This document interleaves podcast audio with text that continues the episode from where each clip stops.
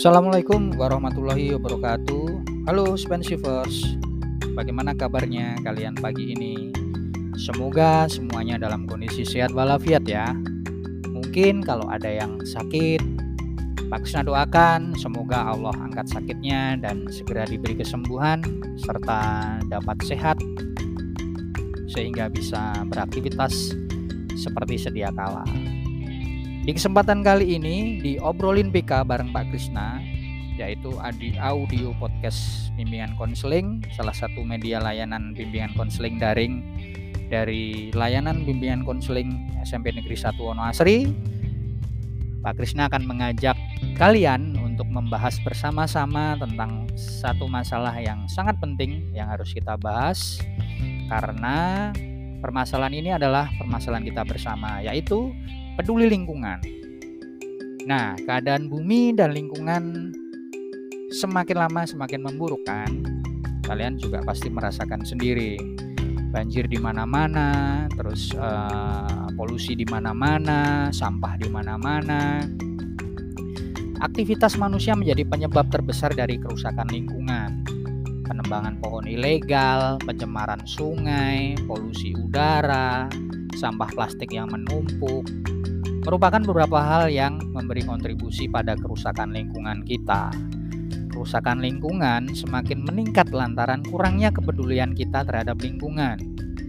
Nah, sikap kurang peduli ini kerap diiringi anggapan bahwa menyelamatkan lingkungan harus dengan kegiatan yang besar dan spektakuler. Padahal dengan hal-hal sederhana kita dapat ikut serta dalam penyelamatan lingkungan. Nah, ada berapa langkah kecil yang bisa kita terapkan di kehidupan sehari-hari kita.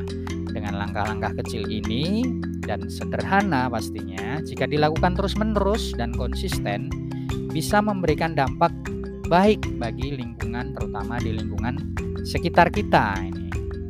Nah, apa saja hal-hal atau langkah-langkah kecil yang harus kita lakukan? Yang pertama adalah membawa botol air minum sendiri.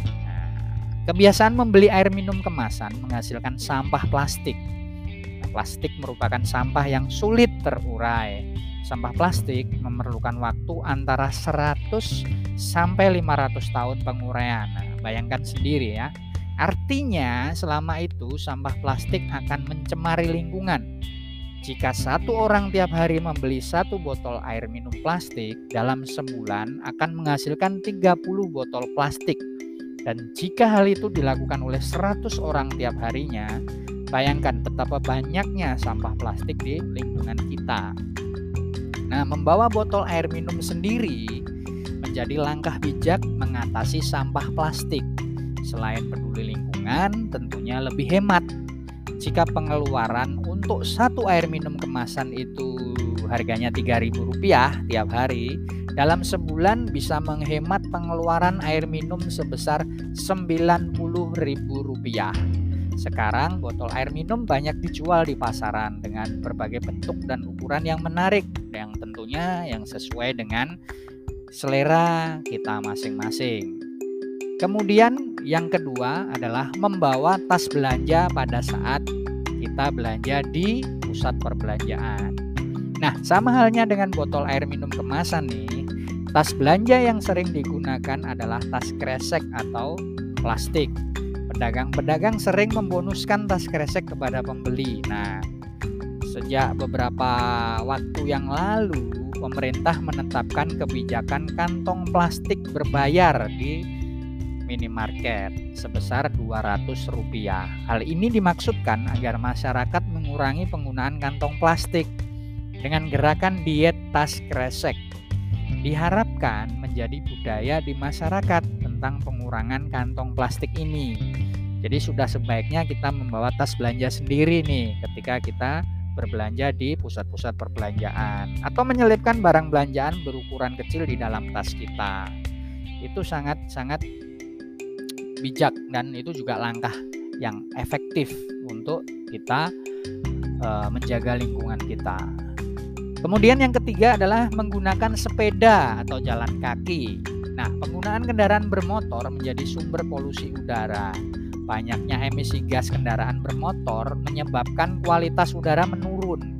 ribuan motor bertambah setiap harinya. Kemacetan terjadi di mana-mana. Mengurangi penggunaan kendaraan bermotor bisa dengan beralih menggunakan kendaraan non-motor atau transportasi umum. Untuk berpergian jarak jauh, bisa menggunakan transportasi umum. Kan sekarang udah banyak nih ya transportasi umum di kota-kota besar itu. Untuk jarak dekat bisa beralih ke sepeda atau jalan kaki.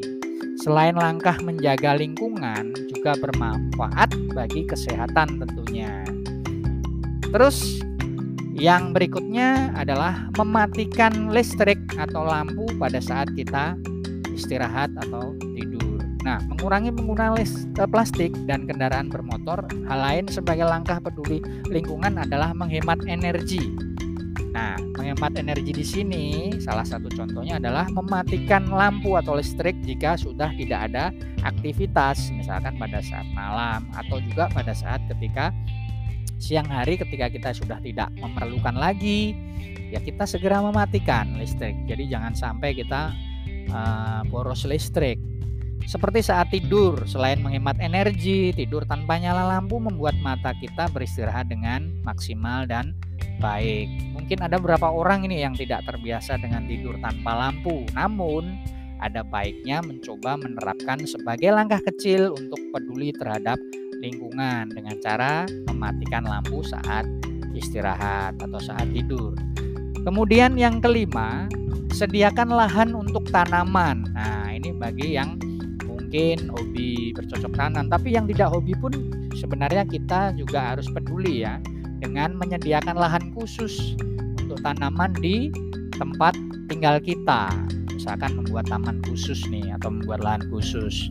Tumbuhan kan menyerap karbon dioksida dan menghasilkan oksigen. Nah mengisi pekarangan rumah dengan tumbuhan tidak hanya bermanfaat untuk lingkungan tetapi juga bermanfaat untuk kita, misalnya tanaman obat-obatan, sayuran, atau buah-buahan.